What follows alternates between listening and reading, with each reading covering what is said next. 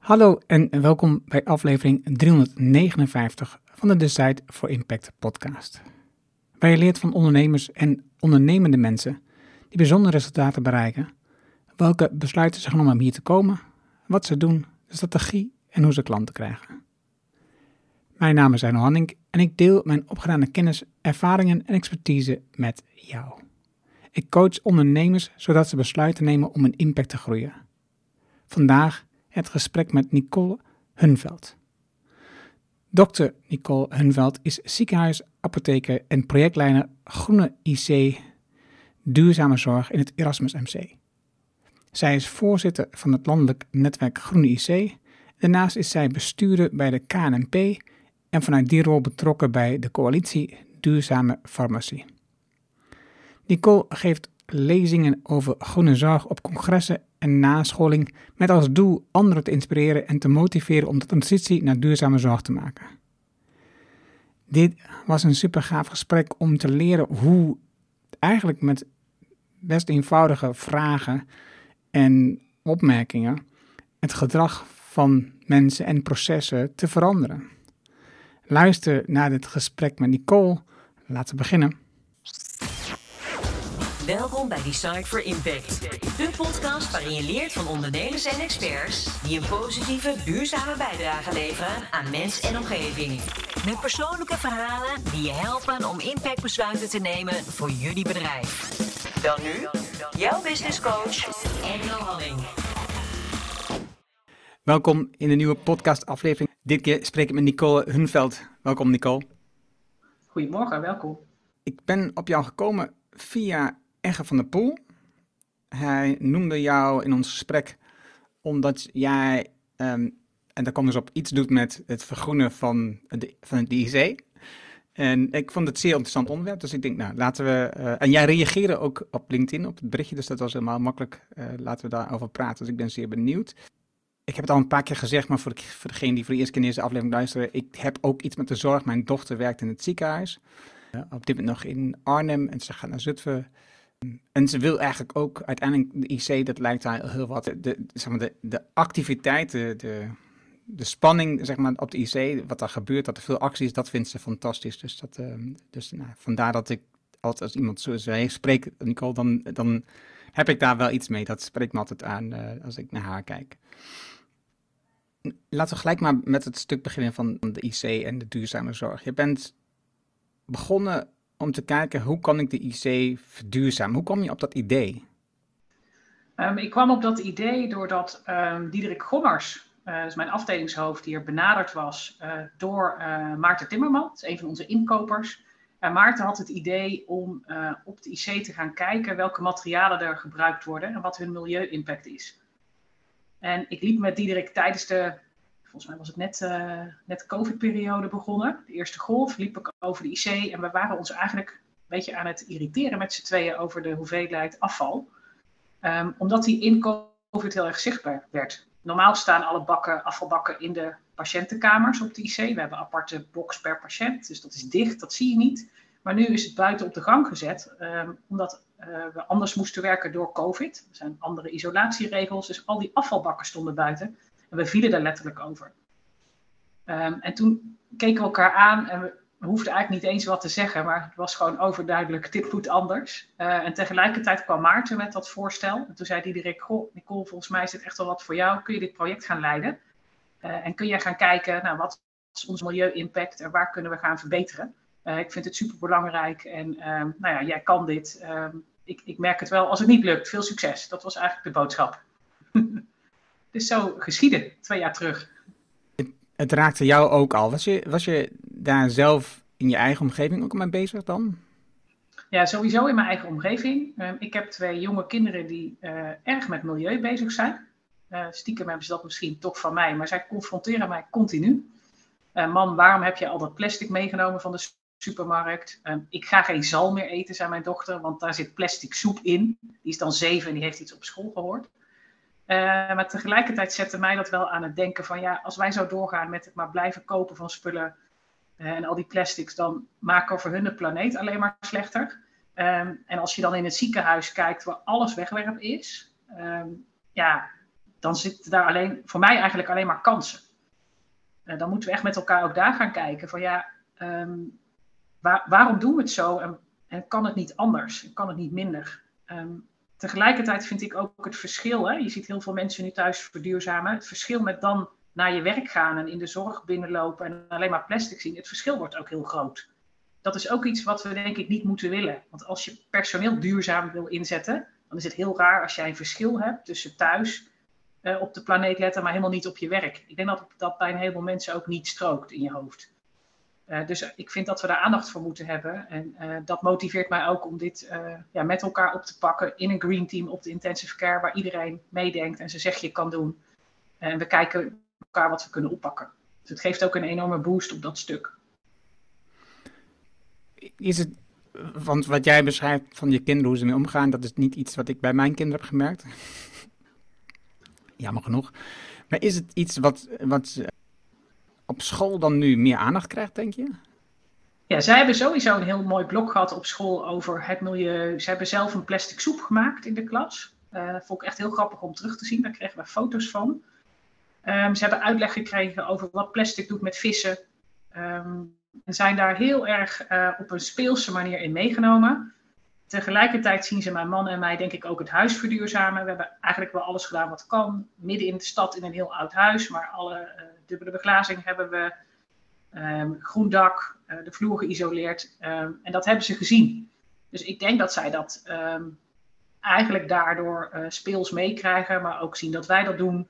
En inmiddels niet anders weten. En daar ook hele leuke vragen over stellen. Waarom is dat zo? En wie heeft dat bedacht? En waarom hebben we al dat plastic?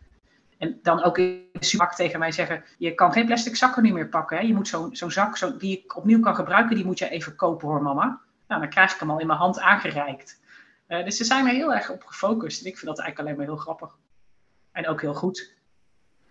Ja, ik zat laatst uh, ik ben even kwijt. Uh, voor mij waren twee zussen uit mijn hoofd. Ik ben even kwijt uh, waar ik het zag en hoe ze heten. Maar zij waren dus heel bewust bezig met ja, geen afval meer produceren. Geen plastic meer kopen. En die hadden dus echt een heel klein beetje plastic afval in, um, nou, in een jaar, volgens mij. Dat is echt ongelooflijk. Dus ik zat erover na te denken ook hoe ingewikkeld dat is om dat voor elkaar te krijgen eigenlijk. Hè? Dus als je in de supermarkt gaat, dan eh, alles zit in verpakkingen, alles. En, dus je kan wel verte groenten kopen en dat dan in een netje doen, maar daarna, alles wat je daarnaast koopt, zit allemaal in verpakkingen. Het is heel ingewikkeld, en dat bedoel ik voor het grootste deel plastic verpakking voor duidelijkheid. Het is eh, best ingewikkeld om dat te organiseren, dat je dat dan spullen koopt waar dat niet zo bij is. Ja, ze zijn er wel, maar volgens mij moet je daarna op zoek. En Um, ik merk, ik begin wel zelf te veranderen. Als ik nu in de supermarkt loop, ben ik echt wel aan het kijken, wat heeft een kartonnen verpakking? Ik, mijn brein is dat gewoon vanzelf gaan doen. En dan kies ik soms daar wel voor, ook al is het misschien duurder. Ik merk dat ik dat wel begin te doen. Ik ben eigenlijk zelf best wel klaar met dat plastic weggooien de hele tijd. Dus bij mij begint die, die, die shift gaat vanzelf op een of andere manier. En ik ben er nog lang niet. Uh, en ook echt lang niet alles lukt, maar het is wel in gang gezet op een of andere manier. Ik denk ook omdat ik er in mijn werk de hele tijd mee bezig ben. Maar het is zeker mogelijk. Uh, maar we moeten zelf, denk ik, als consument nog veel meer geholpen worden. Ik merk, ik begin het een sport te vinden. Dus dan is altijd een goed teken. Om te kijken van welke verpakking kan wel. En, en misschien moet soms dan ook naar een andere winkel. Ja, daar heb ik er graag voor over. Uh, merk, merk ik nu. Dus ik ga anders kopen. Uit, ja, vanzelf. Hoe zou je als consument geholpen moeten worden? Um, ik denk dat we veel vaker de keus moeten hebben tussen een bepaalde um, kartonnen verpakking of een grotere verpakking, soms die dan ook misschien wat duurder is uh, relatief, versus die, uh, die met plastic, dat daar een begin al zou, uh, zou kunnen zitten. En ik denk dat bij veel producten dat stiekem al zo is, maar we worden er niet goed op gewezen. Dus misschien zou dat ook nog een optie kunnen zijn, dat je ehm, een markering krijgt bij het product van hey, dit is milieuvriendelijk of een, e-, een duidelijker eco-label dat zou ons denk ik wel helpen. En, en, om dan de link even te leggen naar jouw werk, hoe, hoe help jij dan de mensen in de IC, de verpleegkundigen, de artsen, om op dat moment ook na te denken over die producten? En niet in hun thuissituatie voor duidelijkheid, maar dus in, in het werk, hè? Nee, het werk. Nee, door um, eigenlijk heel veel vragen te stellen van, goh, bij die en die handeling zie ik jullie heel vaak dit doen. Ik loop er veel, hè, dus ik zie veel gebeuren. Dus ik kan heel vaak heel makkelijk vragen van, goh, zo is dat. Ehm, is dat vanuit uh, gewoonte dat jullie dat klaarleggen en vervolgens niet gebruiken en weggooien? Is, is het dan makkelijk of is het uit veiligheid? En dan heb je eigenlijk meteen een gesprek. Dan zeggen ze, oh ja, jij bent met de duurzaamheid bezig, hè? Ja, ja, ja, ja, dat is eigenlijk wel een goede. Ik weet eigenlijk ook niet waarom we het zo doen. Maar het kan natuurlijk ook wel anders. Ik zeg, nou prima. Ik zeg, wil je in het Green Team of zal ik het oppakken in het Green Team met je collega's? En zo krijg je heel makkelijk een gesprek waarin je merkt dat, ze, dat verpleging en dokters heel erg bereid zijn om het anders te doen. Maar je moet wel helpen. En we hebben wel gezegd, het moet altijd veilig blijven. We gaan niet inboeten op patiëntenzorg of wat dan ook. Uh, en met die regels of die spelregels kunnen we heel goed werken en kan je heel veel kleine veranderingen maken die uiteindelijk wel allemaal impact hebben. Wat ik interessant vind aan, uh, ik heb je LinkedIn profiel doorgelopen, je hebt best wel veel functies op dit moment. Je, je hoofdtaak is apotheker op de IC. En ik, ik ga ervan uit dat dat gewoon eigenlijk een fulltime job is. Nou, dat, doe, dat, kan, dat kan ik omdat het heel goed georganiseerd is inmiddels in de helft van de tijd. als een halve FTE. Oh, dat is een halve FTE. Oké. En dus, dus, daarmee heb je, dus daarmee heb je heel veel ruimte gecreëerd voor al die andere werkzaamheden. Ja, klopt. Ja, en dat loopt natuurlijk wel een beetje in elkaar over. En uh, ook in dat medicatieproces is heel veel te verduurzamen. Hebben we de afgelopen jaren ook al gedaan. Uh, ik denk dat dat ook wel uh, het leuke is van apotheker zijn. We zijn heel erg gewend processen te begeleiden en op te zetten. Want dat hele medicatieproces bestaat natuurlijk uit vaak minstens 22 stappen voordat je het vanaf de dokter bij de patiënt hebt. En aan al die stappen kun je iets veranderen. Of al die onderdelen van het proces kun je kijken, kan het efficiënter, kan het duurzamer? Nou, op de IC hebben we dat nu wel heel goed staan. Eh, heb ik me heel vaak niet gerealiseerd, overigens, dat ik dat had gedaan en dat het ook nog duurzaam was. Dat zie ik nu pas als ik terugkijk. Dus dat denk ik heel leuk. Uh, die kennis gaan we ook uh, weer in het land delen, zodat anderen dat kunnen overnemen. Maar dat loopt dus heel erg in elkaar over. En met die, die procesblik kijken naar wat doen we op de IC bij medische handelingen, kan natuurlijk ook prima. En is voor mij vaak heel makkelijk, want ik zie verpleegkundigen en artsen aan het werk. Dus ik kan heel makkelijk dat vragen of met elkaar overleggen van, goh, zou het ook anders kunnen en wat hebben we dan nodig? En als blijkt dat daar um, een protocol aangepast kan worden, dan doen we dat in de staf uh, met elkaar. Of ga ik terug naar Diederik Kommers van, goh Diederik, dit en dit uh, zien we met elkaar. Mogen we een andere insteek kiezen of zie jij ruimte om dat te faciliteren? Ja, en dan zie je dat op die manier je toch wel heel goed een verandering in gang kan zetten. Ook al is het hier groot en heb je een paar honderd man uiteindelijk nodig die meegaan. Uh, maar dat, dat lukt wel met elkaar. We zijn dat inmiddels wel gewend. Ook door COVID en een grote verhuizing die we hier een jaar geleden hebben gehad. Dus mensen zijn echt wel bereid dat te doen. Maar wel met een duidelijk doel voor ogen. Dus ik geef dan wel steeds aan als we erover communiceren van dit hebben we met elkaar bereikt. Dit levert het op. Uh, veel dank voor jullie inzet. We gaan door naar volgende, volgend onderwerp. Alle ideeën zijn welkom. Uh, dus we zorgen wel dat iedereen weet van waarom doe ik dit en wat is uiteindelijk de opbrengst. En dan krijg je mensen echt goed mee want je had net over dat je een aantal processen al in jouw eigen werk al had veranderd. Noem eens zo'n verandering wat je van zegt, nou dat was eigenlijk iets wat ik had veranderd, wat achteraf bleek ook nog heel duurzaam te zijn. Uh, nou, we hadden, um, toen we overgingen naar een nieuw medicatiesysteem een aantal jaar geleden, hadden we een heleboel medisch, medicatieorders uh, die werden gestart en die bleven dan lopen. Terwijl ik dan vanuit de praktijk weet van oké, dit middel um, heb je vaak maar één dag nodig. Dus je zou het na 24 uur al kunnen stoppen. Dan werkt het of het werkt niet. Um, of uh, dit middel doen we bijvoorbeeld uh, drie dagen. Dus we hebben al die orders waarvan we het weten een stopdatum meegegeven. Dus in plaats van ze te laten lopen, stopt het nu automatisch. En dat heeft enorm veel opgeleverd. En dat is eigenlijk ja, een soort van per ongeluk gegaan. Want ik dacht, nou, wel jammer als je door laat lopen. En hoe minder medicatie eigenlijk, hoe beter. Uh, we doen een stopdatum, dat vonden de dokters prima. Hebben we allemaal netjes overlegd. Uh, maar als je dan gaat, gaat kijken van, hé, hey, als iemand misschien tien dagen ligt en na drie dagen is het gestopt. En als ik het niet had gestopt, had hij die tien dagen gekregen, misschien wel. Dan heb je zeven dagen dat middel niet gegeven. En dat is duurzaam en uh, sowieso, maar ook financieel aantrekkelijk. Dus daar hebben we heel veel op gehaald. Um, maar dat realiseerde ik me op dat moment helemaal niet. En waarschijnlijk nog beter voor de patiënt ook. Ja, dat roep ik altijd wel. Hoe minder eh, medicatie uh, sowieso op de IC, hoe beter. Uh, ja, dan heb je er ook geen bijwerkingen van. Ja, klopt. En wanneer heb je dit ingevoerd, zei je? dit is geweest in ja, ergens rond 2018, denk ik. Oké, dus ondertussen werken alle ziekenhuizen op deze manier? Haha, nou, er wordt wel vaak aan mij gevraagd, heb je tips? Nou, dit is één die ik altijd meegeef met, met een lijstje. Uh, wat we ook gedaan hebben is, uh, we hebben heel veel infusen die patiënten kregen omgezet naar een injectie. Dus dat scheelt je op dat moment een infuuszak, een lijn die je eraan hangt, het aansluiten in de pomp. Dus het gaat, je gebruikt minder materialen, het is sneller uh, en het scheelt ook de verpleegkundige handelingen om te doen. dus dat soort omzettingen hebben we ook gedaan.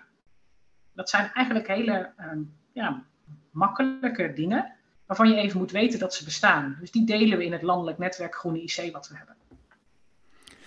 Ik, ik herinner het gesprek met Egge, wat hij, eh, dat was eigenlijk niet het gesprek van de podcast, maar wat hij, vertelde in de workshop toen voor projectmanagers in de zorg over een project waar hij mee bezig was. En hoe eigenlijk toch wel in de zorg gebruikelijk is dat het not invented here syndroom geldt. Weet je? Dat als je iets bedenkt, dat een ander ziekenhuis zegt dat gaan we niet doen, want zij doen het ook al en wij doen het bewust anders. Nu zit jij in een landelijk netwerk om die vergroening te stimuleren in ziekenhuizen, in, op de IC's. Wat merk jij daar nu van? Ja, dat het op dit onderwerp totaal anders is. Dat is echt heel grappig. Ja, dat is echt apart en dat doet die duurzaamheid. Maar dat merk ik ook in het onderzoek doen en in het samenwerken met uh, andere onderzoekers. Normaal was het een beetje zo, en dan zeg ik even heel gechargeerd uh, en lekker zwart-wit, dat als je op je eigen onderzoekseiland zit in de academie, dan kom je daar niet af. Dat is van jou en dat, daar blijft iedereen van af. En ineens in de verduurzamen is het helemaal anders. Iedereen wil mee, er is helemaal geen tegenwerking. Iedereen heeft hetzelfde doel voor ogen. Dus ik dacht op een gegeven moment, wat is dit tof? Wat een boel groene energie letterlijk zit hier. Uh, en dat merk je ook in het groene netwerk. Als een collega uit uh, Tilburg zegt, goh, wij hebben dit geprobeerd en uh, bij ons is het goedgekeurd. Ik zal even met jullie de info delen. Dat anderen dat overnemen en denken, oh leuk, doen wij ook. Misschien neem je er 90% van over en doe je nog net je eigen twist, maar dat is prima.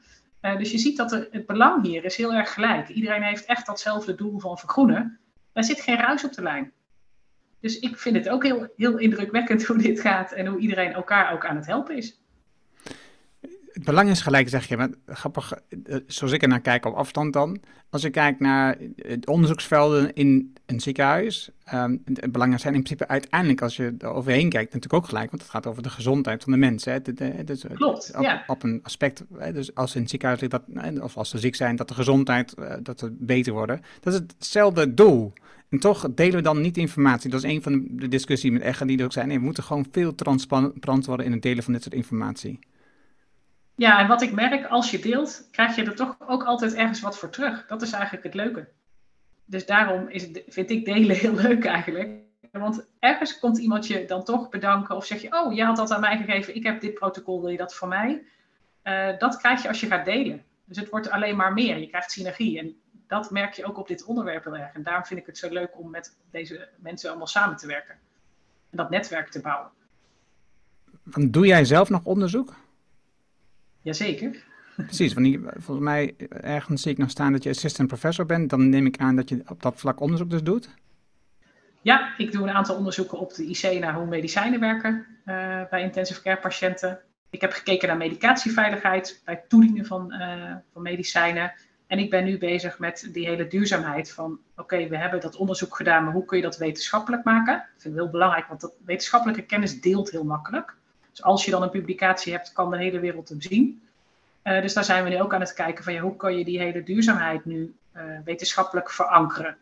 Uh, en daar komen nu de eerste publicaties van. Dus dat is heel leuk.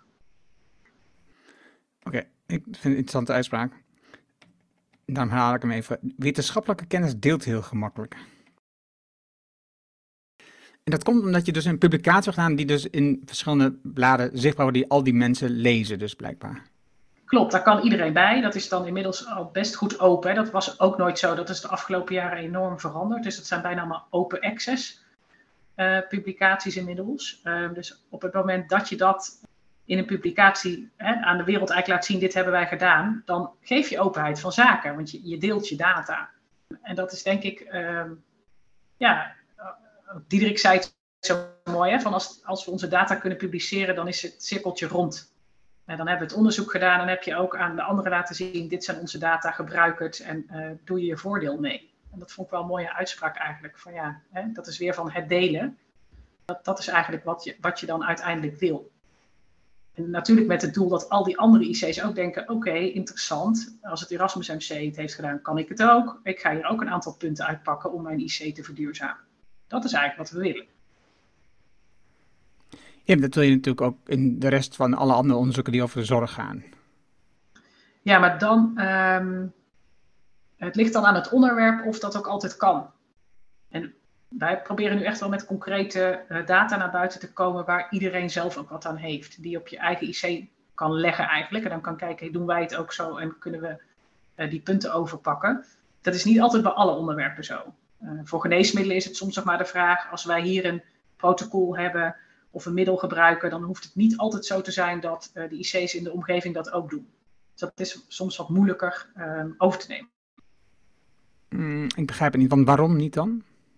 Nou, stel, wij gebruiken hier een, een middel wat veel in een academisch ziekenhuis wordt gebruikt en we doen daar onderzoek naar, maar de hele omgeving, uh, de, de, IC's in de omgeving gebruiken het niet. Dat zou kunnen, hè? ik, doe, ik maak het even nu theoretisch. Dan kunnen wij er wel heel veel onderzoek naar doen en die data delen, maar dan is het nog maar de vraag of een heleboel andere IC's daar wat aan hebben. Uh, bij het verduurzamen zie je veel meer, iedereen gebruikt handschoenen, iedereen gebruikt medicatie, uh, jassen. Uh, dus daar kun je veel, daar is je gemene deler eigenlijk veel groter. Dus maakt het delen makkelijker en heeft het meer impact. Wij zitten soms hier natuurlijk ook wel op een soort niche iets uit te zoeken. Of dan vinden we iets en dan zijn wij heel blij, maar dat wil helemaal niet zeggen dat de hele wereld daar iets aan heeft. Of dan komt het zo weinig voor, uh, dat beschrijven we ook nog wel eens. Nou ja, dat is misschien helemaal niet relevant voor iedereen. En dat komt omdat je een academisch ziekenhuis zijn? Ja, dat speelt zeker mee. Ja. Als je kijkt naar dat het vergroenen van de IC, want wat zie je dan daar dat dat gekopieerd wordt of, of nagebootst wordt op de andere afdelingen dan? Uh, nou, één ding wat we uh, nu in het huis willen gaan delen bijvoorbeeld, is we hebben gekeken of uh, als patiënten hier infusen krijgen of medicatiepompen, dan geef je er vaak extra infuus of een pomp bij om de lijn open te houden, zo heet dat. Is een waakinfuus of een waakpomp. en die stond op een bepaalde stand. Dat is historisch zo gegroeid. Dus toen ik ging vragen waarom staat dit op 3 milliliter per uur, begon de verpleging hier te lachen en zei ze: Ja, goede vraag. Dat doen we al jaren zo, we weten het niet.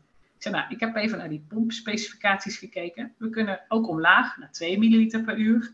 Ja, ik hoor wat onzin. Uh, dat scheelt 1 milliliter. Ik zeg: Ja, dat vind je misschien onzin, maar dat is 50% minder. Uh, als je het uitrekent, scheelt dat 1500 infuuszakken per jaar alleen al voor onze IC. Toen was het, oh, dat is interessant. Goed dat je het even zegt. Um, nou, dan gaan we dat toch gewoon doen. Nou, en dit is iets dat geldt eigenlijk, dan beginnen we op de IC, maar dit zou ik in het hele huis willen hier, want dit kan op alle afdelingen zo. Iedereen met zo'n waakinfuus kan gewoon zo laag mogelijk. Dat is naar 2 milliliter per uur, bijvoorbeeld. Bijkomend voordeel van die 2 is als je dat keer 24 uur doet, dan kom je ongeveer op 50 uit. En dat is één infuuszakje. Dus ook dat is heel makkelijk met aanhangen. Dat is dan maar één zakje weer per dag hoef je verder niks meer aan te rekenen en te doen. Dus dan maak je het ook nog praktisch. Nou, dat vind ik eigenlijk de leukste dingen om zo uh, uh, aan te pakken. Uh, dus de komende week gaan we eens even nadenken hoe kun je dit nou in het hele huis gaan doorvoeren bijvoorbeeld. Ik zat te denken, mijn vader die was in het ziekenhuis in mei en die kreeg morfine.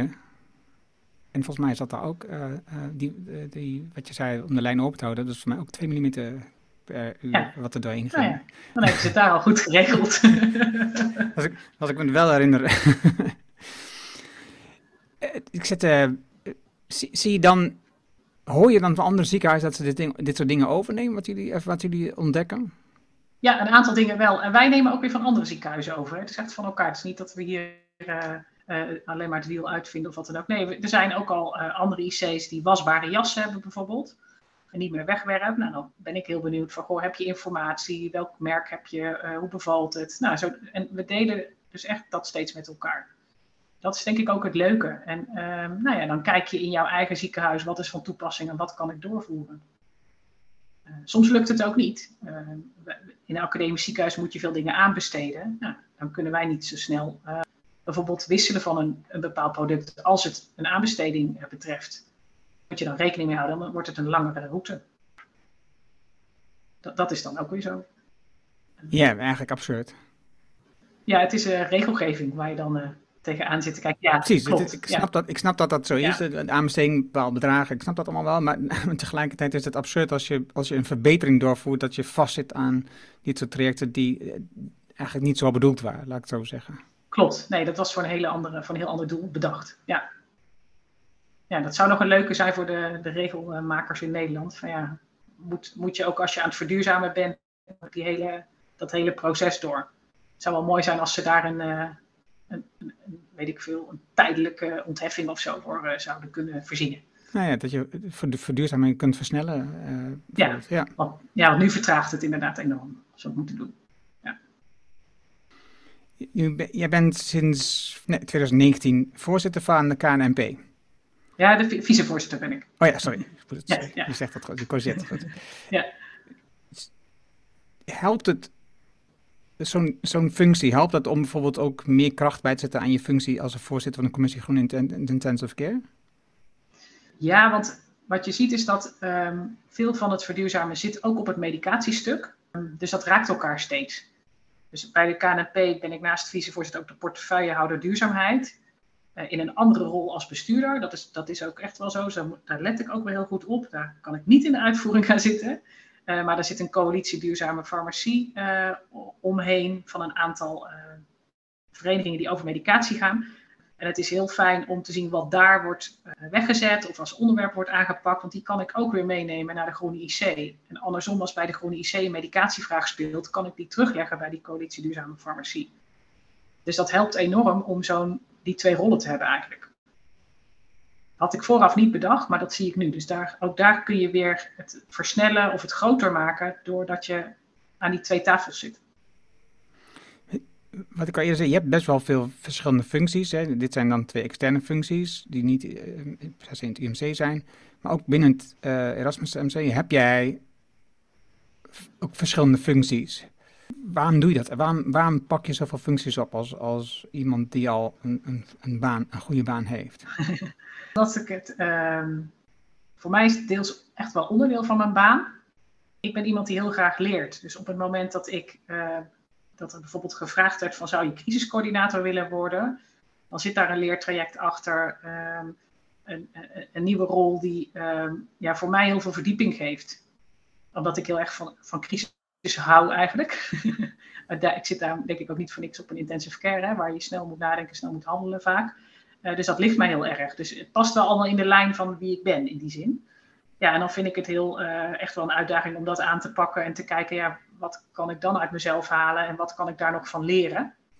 Eh, en die kansen krijg ik ook in het Erasmus MC, dus dat is ook heel fijn. De crisiscoördinator, dat, er is wat bijgekomen door de COVID natuurlijk.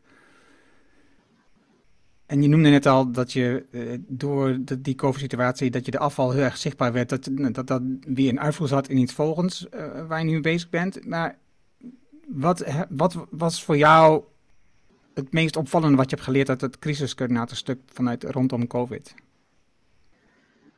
Ehm, wat in het begin heel erg speelde, was dat op het moment dat je in een crisissetting gaat, is dat je top-down gaat. Ehm, en dat dan heel snel heel veel kan. De keerzijde was ook dat je dat niet te lang moet doen. eh, want dan worden mensen eh, gaan uitputten en worden moe. Dus je moet op een gegeven moment ook de switch terugmaken. Ehm, wat ik daarvan geleerd heb, is dat dat moment bepalen was lastig. Maar dat hebben ze hier in huis denk ik wel heel goed gedaan op een gegeven moment te zeggen: Oké, het is een crisis, maar je kan niet maanden in een crisis zitten, dus we gaan nu terug naar de lijn, zoals dat werd gezegd. En ik vond het heel leerzaam om dat te zien gebeuren. Daarna gingen wij er ook uit als crisiscoördinator, eh, was dat ook helemaal niet meer nodig. Ehm, maar ik denk die, die beweging, terugkijkend, want op dat moment- heb je het helemaal niet door, hebben ze heel goed aangepakt en heb ik zelf heel veel van geleerd. Dus ook om dan te durven besluiten, oké, we gaan uit crisissetting. We zaten echt nog midden in COVID. We gaan uit crisissetting, we gaan het in de organisatie terugleggen. En daar werd die organisatie weer omheen gebouwd, heel snel. Ja, hoe, die wendbaarheid, zeg maar, van zo'n heel groot ziekenhuis wat meegaat, eh, ja, dat vond ik wel heel indrukwekkend om te zien. Eh, en sowieso een heleboel dingen die we voor elkaar hebben gekregen, in, eh, nou waar we misschien normaal maanden over doen, gingen nu in twee dagen. Dat is echt bizar. Ineens kan het dan. Eh, even protocol voor de antistolling aanpassen. Ja, op vrijdagavond was daar een probleem mee. Op maandag zaten we en op dinsdag hadden we het voor elkaar. Terwijl Buiten COVID ben je maanden bezig. Alle literatuur verzamelen, vergaderen, overleggen. Wie moet erbij, wie niet. En nu hadden we het echt gewoon op 48 uur ongeveer hadden we het staan. Ja, dat geeft een enorme kick op dat moment. Ook al waren we echt aan het rondrennen om al die patiënten te helpen met medicatie, uh, bij van spreken. Maar als je dat dan voor elkaar krijgt met, met elkaar. En uh, iedereen is daar op dat moment echt heel blij uh, om. En het werkt vervolgens, want dat zien we in de praktijk. We zijn het ook gaan meten. Ja, dat, dat vond ik wel spectaculair aan die fase. En wat kun je daarvan kopiëren in niet-crisissituaties? Wat ik nu een aantal keer heb gedaan, is het benoemen. Uh, van oké, we gaan uh, met elkaar deze verandering, uh, of die willen we, of we moeten het aanpassen. Kunnen we kijken hoe we het net als in COVID ehm, snel en daadkrachtig kunnen doen? Want dan zie je iedereen wel weer denken, oh ja, toen kon het ook. Uh, ik denk dat dat heel belangrijk is, want anders zijn we het kwijt. En dan gaan we weer, denk ik, verzanden. dus ja, benoemen en met elkaar over hebben ook denk ik dat wel uh, vanuit mezelf duidelijker stellen. Van wanneer willen we het af hebben um, en, wat, en wat is het doel.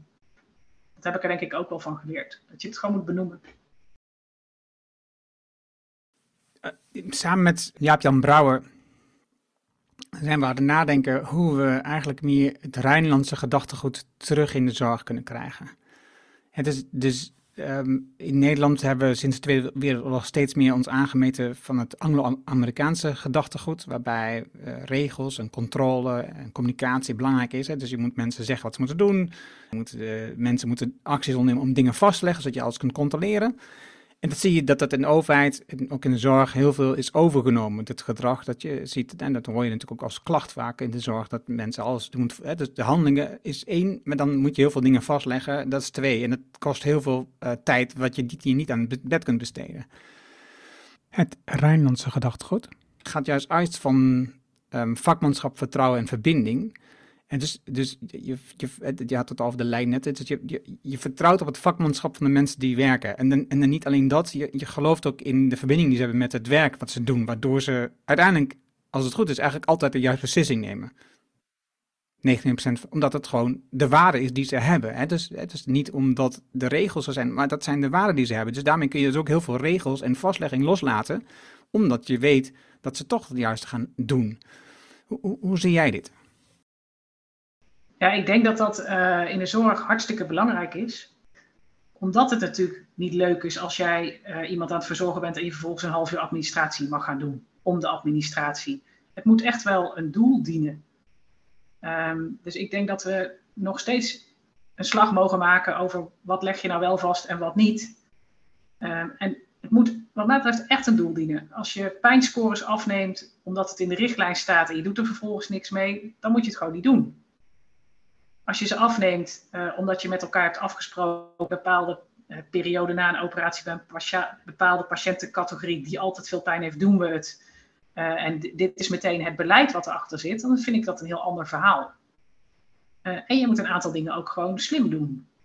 wij waren best wel veel tijd kwijt op de IC met het controleren van de medicatiepompen. Nou, inmiddels kunnen we die scannen, zijn die pompen gekoppeld. En dat scheelt controles voor verpleegkundigen. Ja, daar moet het ziekenhuis een investering voor doen. Hebben ze ook gedaan. Dat is helemaal geen makkelijk implementatietraject, maar het is uiteindelijk wel gelukt. En dan merk je met elkaar dat door zo'n uh, innovatie er weer ruimte ontstaat. En die ruimte hebben we heel erg nodig. Dat, dat scheelt bij mensen in hun hoofd uh, en dan werk je gewoon prettiger. Dus ik denk dat we daar ook wel wat alert op moeten zijn met elkaar. Van ja, waar zit nog, nog ruimte om te innoveren en welke dingen hoeven echt niet. Dat wat niet hoeft, mag je ook gewoon schappen. Amerikanen hebben daar overigens ook een hele mooie website voor. Hè? Eh, die hebben een soort vergroeningswebsite waarop staat wat doen we niet meer. Die is ook erg leuk. Nou ja, die, uh, die wens ik Nederland ook toe in die zin. Uh, want ook daar kun je weer van elkaar leren. En als bij het ene ziekenhuis goed bevalt om iets niet meer te doen, kan het zomaar zo zijn dat het bij een andere natuurlijk ook is. En het moet echt, wat mij betreft, een doel dienen. Ik ben ook gewend om veel vast te leggen, dat hoort bij mijn vak. Uh, maar als ik merk, het, het, dient geen doel, dan ga ik wel graag het gesprek erover aan. Jongens, waarom zijn we dit aan het doen? En kunnen we ermee stoppen of kan het anders of korter? Uh, ik denk dat we daar als zorgprofessionals zelf ook wel echt een rol in hebben. Ja, ik zag bij een artikel wat, eh, wat over de vergroening van IC ging, waarin jij werd geïnterviewd. Uh, daar stond de kop, uh, boerenverstand kwam er naar voren. Ik denk dat dat zeker natuurlijk een punt is, dat je gewoon je schetst net dat voorbeeld, dus je vraagt op dat moment aan die verpleegkundige waarom um, staat hij eigenlijk op die manier niet te Nou, ja, dat, ja, we weten ook niet. We doen het omdat het altijd zo is gegaan. En dat zou eigenlijk een moment moeten zijn voor iemand die dit doet, om te denken, oh wacht even, waarom doen we dit eigenlijk? En dan eh, eh, kun je zelf ingrijpen, kun je zelf een verandering teweeg brengen, in plaats van dat je gewoon doet wat, wat iedereen altijd doet. En ik, hoorde, ik overhoorde een gesprek tussen, uh, toen ik bij mijn vader in het ziekenhuis was, tussen twee verpleegkundigen. De ene die was nog niet zo lang van de opleiding. En het ging over een bepaalde handeling, ik weet niet meer waarvoor, maar uh, voor mij was het trombose of zoiets eigenlijk. En dit hebben we op school geleerd. En dit is veel sneller en veel makkelijker. En dit wordt nu in, de scholen gedaan. Maar in het ziekenhuis is dat niet gebruikelijk en dus doen we het niet. niemand doet het zo. Ik ben de enige die het zo doet. Waarom neemt de ander dat niet over? Het is uh, toch apart dat, uh, dat het dus wel kan. En de rest vasthoudt aan de dat traditionele manier van doen, omdat we het altijd zo doen. Is, is dat iets wat je in de zorg ziet, dat we wel vasthouden aan oude gebruiken?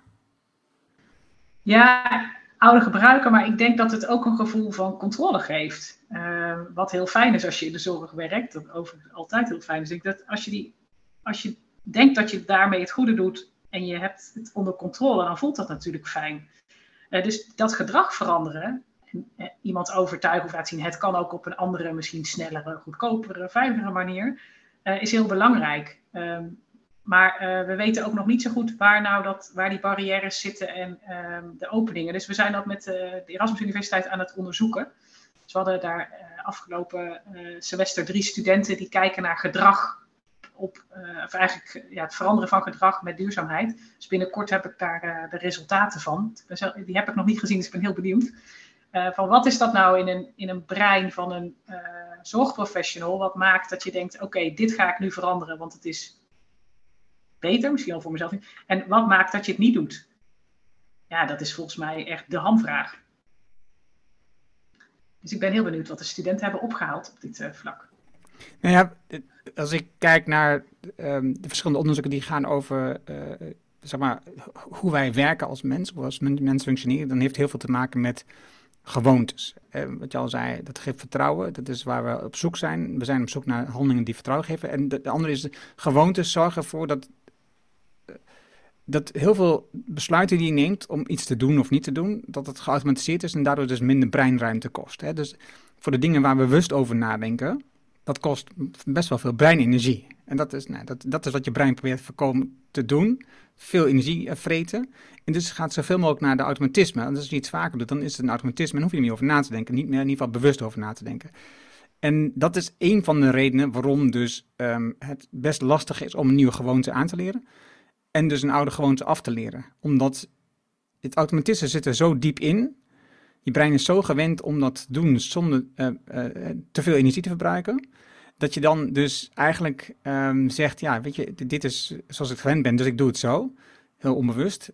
En ook niet in de gaten hebt dat je dat dus doet. Dus dat is waar het probleem zit. Dat je zelf niet in de gaten hebt dat je de handeling zo doet, omdat het de gewoonte is. Dat je het niet bewust doet. En als je het bewust zou doen, kun je over nadenken, is dit nou wat we moeten doen? Maar je doet het niet bewust, je doet het gewoon heel onbewust, omdat het een gewoonte is geworden. Dat is wat ik weet vanuit zeg maar de onderzoeken rondom um, automatisch gedrag van mensen en uh, dingen waar bewust over nadenken. En, en, en handelingen, gewoontes uh, leren, nieuwe gewoontes. Dat is namelijk voor mij een super interessant onderwerp. en, dat, dat, en ik zie dat dus terug, dit soort dingen, in, op heel veel vlakken. En ik herken dat dus hier ook wat jij net beschrijft. Ja, dus de, dus de grap is van, ja, kunnen we dan um, nieuwe manieren, of dat vind ik dan leuk, maar of op, op een leuke, speelse of innovatieve manier wel die verandering teweeg brengen. Waarbij mensen zich heel snel weer comfortabel moeten voelen en het inderdaad een automatisme moet worden. Maar ik vind dat echt wel de uitdaging. En die hebben we op duurzaamheidsvlak echt, echt heel hard nodig, dat, dat we dit goed kunnen. Uh, want we hebben best nog wel veel dingen te veranderen. Het zit in de triggers. Het is, er is een bekende boeken hierover. Dat je, hebt een trigger die je veroorzaakt, um, waardoor je de handeling gaat doen. Het is bijvoorbeeld, um, ik zal een hele schandelijke trigger van mezelf bekennen. En dus de trigger die, heb, die ik heb als ik uh, mijn warme maaltijd op heb, is dat ik naar de la loop om iets um, te snoepen te pakken.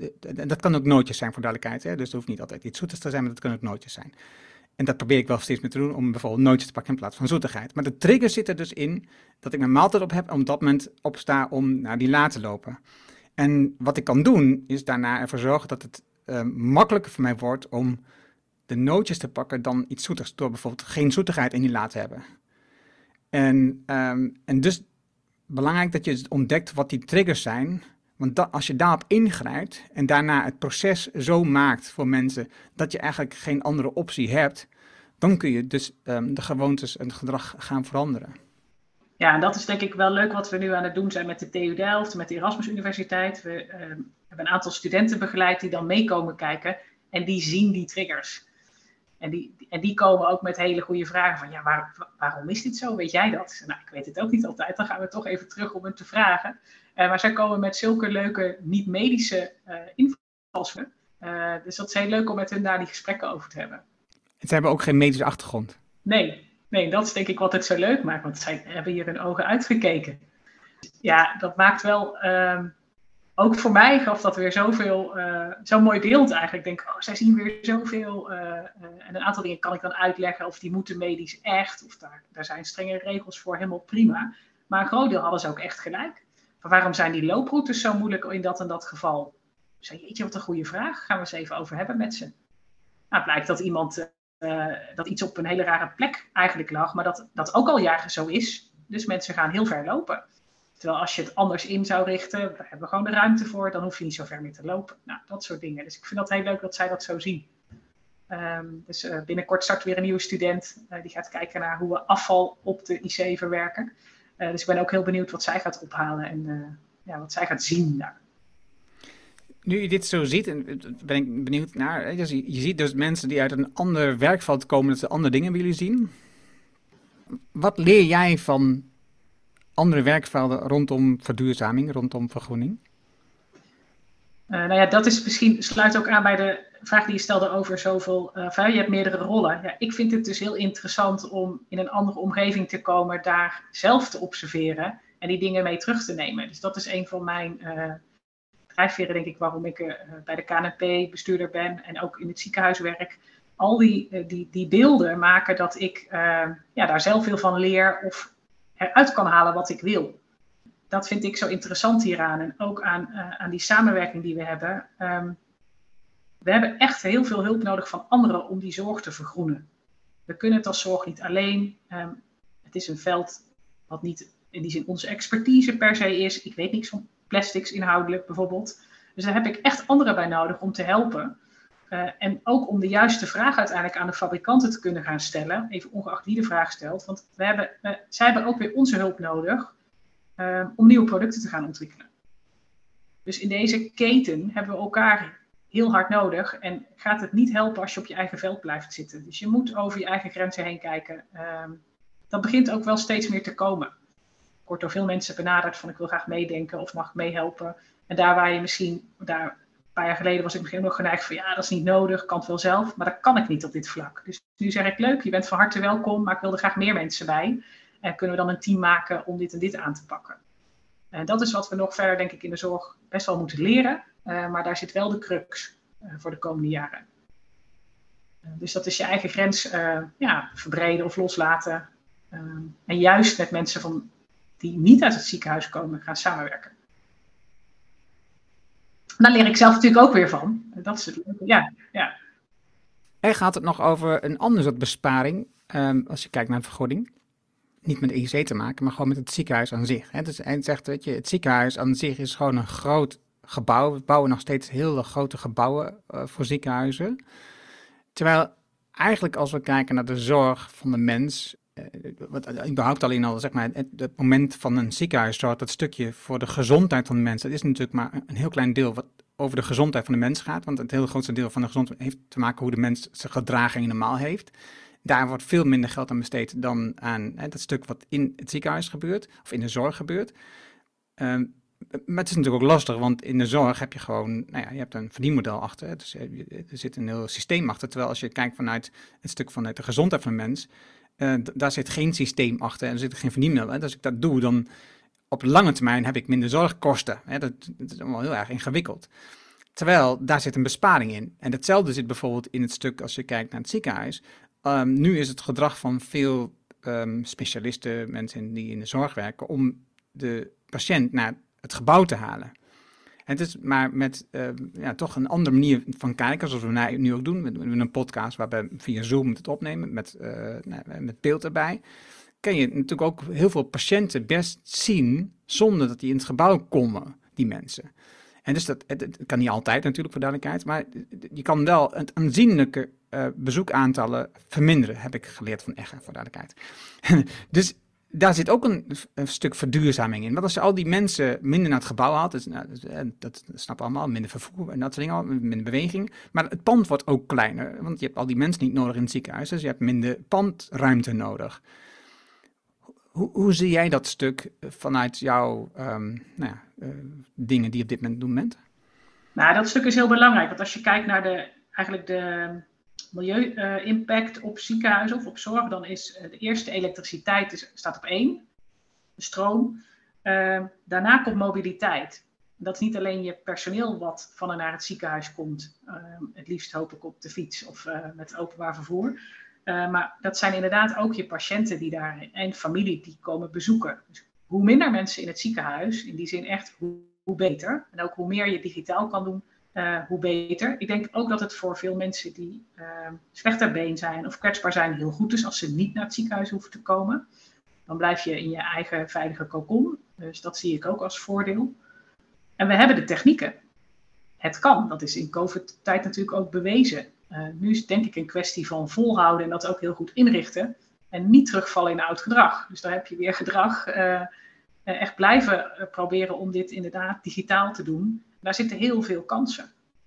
Uh, maar zo zijn er ook in huis veel meer dingen. Um, vraag mensen om een tas mee te nemen naar het ziekenhuis, zodat wij niet spullen in plastic tassen mee teruggeven. Dat zie je ook nog heel veel. Kunnen we waterpunten neerzetten, zodat mensen hun eigen fles kunnen vullen in plaats van dat we bekertjes verschaffen. Er zijn heel veel van dit soort dingen die, je, niet, eens direct, die niet eens direct de zorg raken, maar veel meer de mobiliteit of het ja, lopen in een ziekenhuis of daar de hele routing in, uh, die impact kunnen maken. Dus dat is hartstikke belangrijk. Als ik naar uh, het boek kijk van De Verborgen Impact heet het boek, Babette Porselein, juist. En, en, daarin zie je dus dat de verborgen impact, en, en dat heeft de grootste impact, is gewoon nieuwe spullen kopen.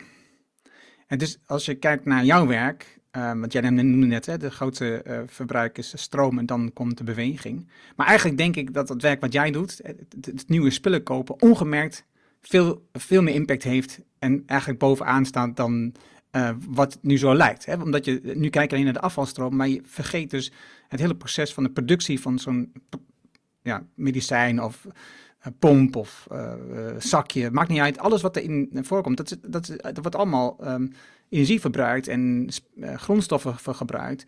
En dus circulair denken zit hier nog lang niet in, bijvoorbeeld. En dus er zitten heel veel uitdagingen in waarvan ik denk dat je dus juist wel met de goede dingen bezig bent. Want dat is, ik denk, het, het heeft de meest verborgen impact die je me kunt voorstellen, het werk wat je doet.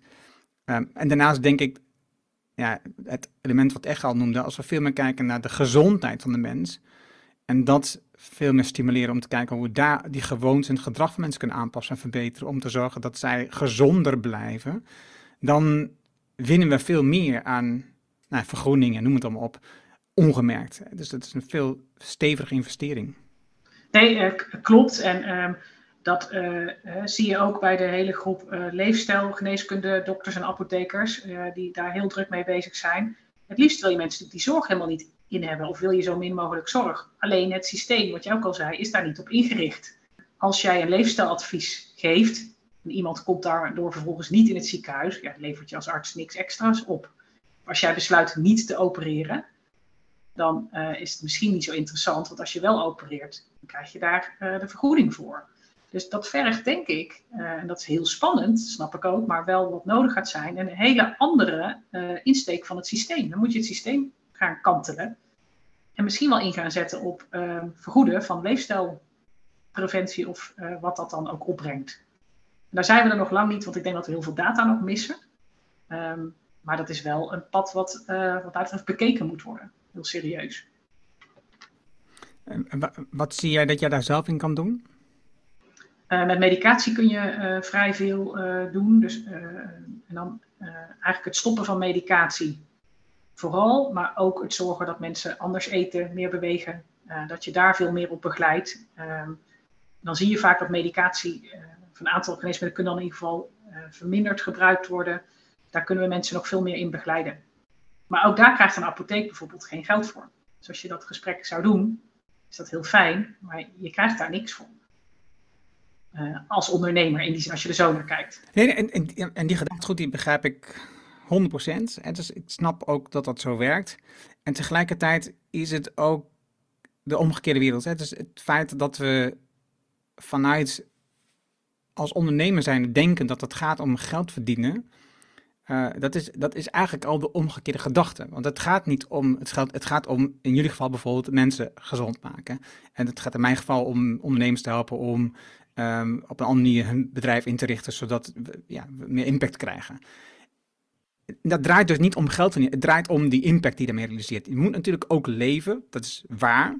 Ja, precies. Je hebt wel, en je hebt je pand en je hebt je personeel. Dus daar zit dus een bepaald basisbehoefte. Dat klopt, maar als je denkt vanuit impactmaximalisatie in plaats van winstmaximalisatie, dan um, ga je vanzelf anders denken over dat pand. Als je denkt, hoe kan ik meer impact krijgen, dan ga je niet denken aan, aan het pand is een noodzaak om onze dienst te leveren.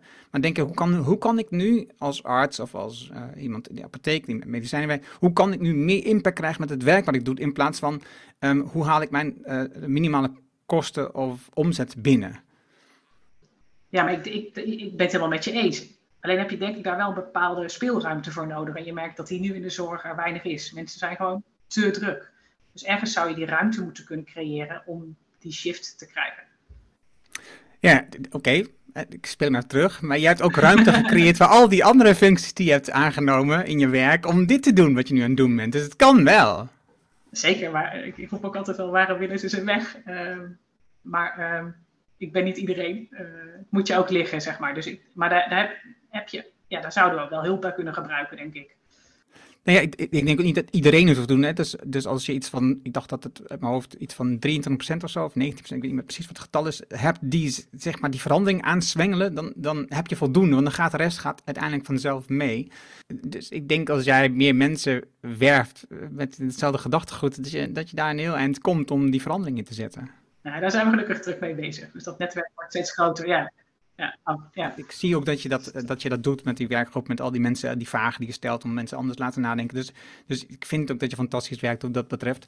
En ook het feit dat je die functies oppakt naast je werk om ervoor te zorgen dat het niet alleen maar gaat over dat beperkte deel van jouw werk rondom medicijnen, maar dat je veel breder kijkt, waardoor je dus veel meer inzichten krijgt, ook van de andere aspecten van het bedrijf, van andere bedrijven, van andere takken. En dat helpt enorm om anders te denken over je werk. En dus veel meer te leren van andere vakken, uh, vakgebieden. Om je werk te verbeteren. Dus ik, ik, ik zie wat je doet. Dus dat, dat vind ik super voor duidelijkheid. Ja, weet je, het, het, punt is natuurlijk, ik heb beperkte kennis van de zorg, dus ik kan heel veel domme vragen stellen, dat heeft niet veel zin. Is er iets dat jij nog beslist wilt vertellen, waarvan je zegt, nou, dat, dat is wel belangrijk om nog te weten rondom dat onderwerp waar ik mee bezig ben? Nou, ik denk uh, wat je net zei. Uh, uh, en wat ik. Hè, dus dat je eh, gewoon. Eigenlijk moet je gewoon beginnen als je dit wil. Je moet gewoon ergens starten. En alle stappen die je zet zijn in die zin goed. Want het maakt op de eh, korte termijn impact, maar op de langere termijn nog veel meer. Een ander ding is wat ik veel hoor, is dat mensen zeggen: ja, maar als je duurzamer gaat werken, dan is het duurder. En wij zien nu dat dat gewoon niet zo is. Ehm, de stappen die we zetten is eigenlijk vooral ehm, echt verminderen van gebruik van spullen of het anders inrichten van je protocol. Daardoor gaan we ook zichtbaar minder uh, spullen verbruiken en dat is ook goedkoper. Uh, en ja, we zullen een aantal dingen echt wel zullen we in moeten investeren. Um, maar ik denk dat dat zich allemaal terugbetaalt. en misschien niet binnen een jaar op dit onderwerp, maar wel op de langere termijn. Dus we moeten ook leren ehm, wat, wat verder vooruit te kijken met elkaar.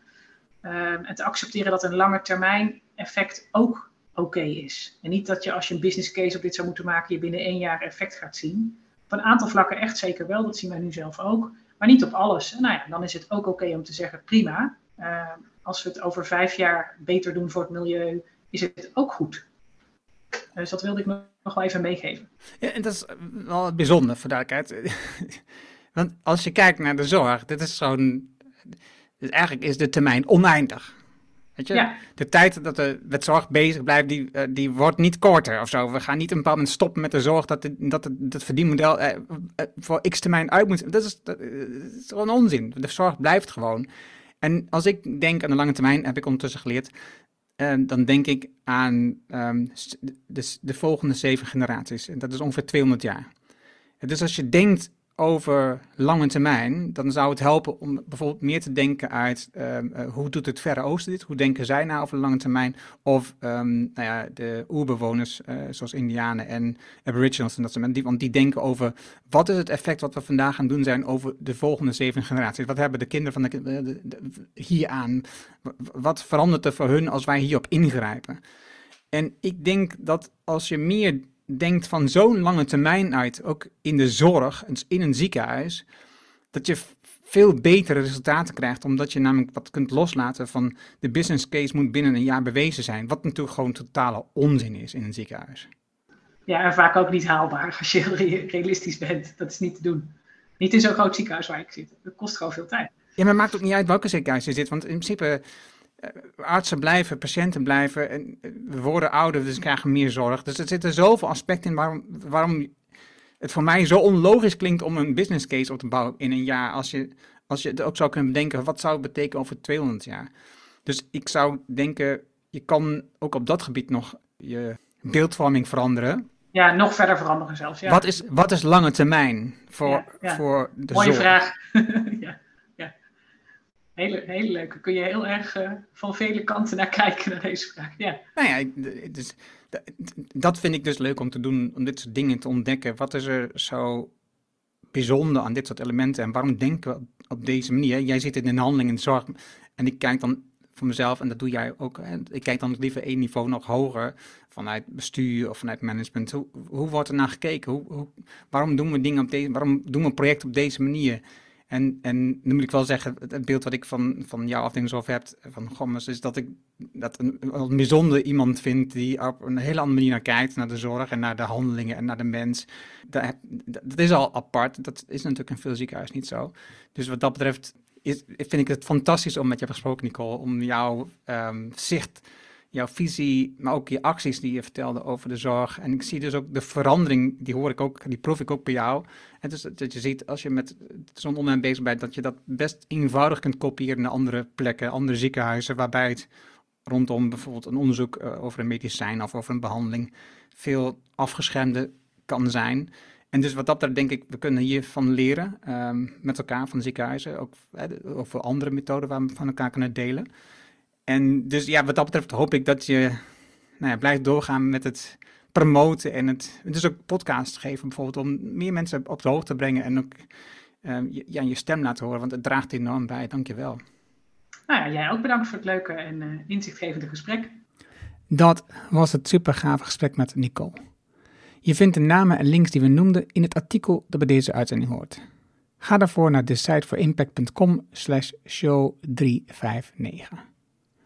Wil je vanzelf automatisch de volgende afleveringen van deze podcast op je telefoon ontvangen? Dat kan heel eenvoudig.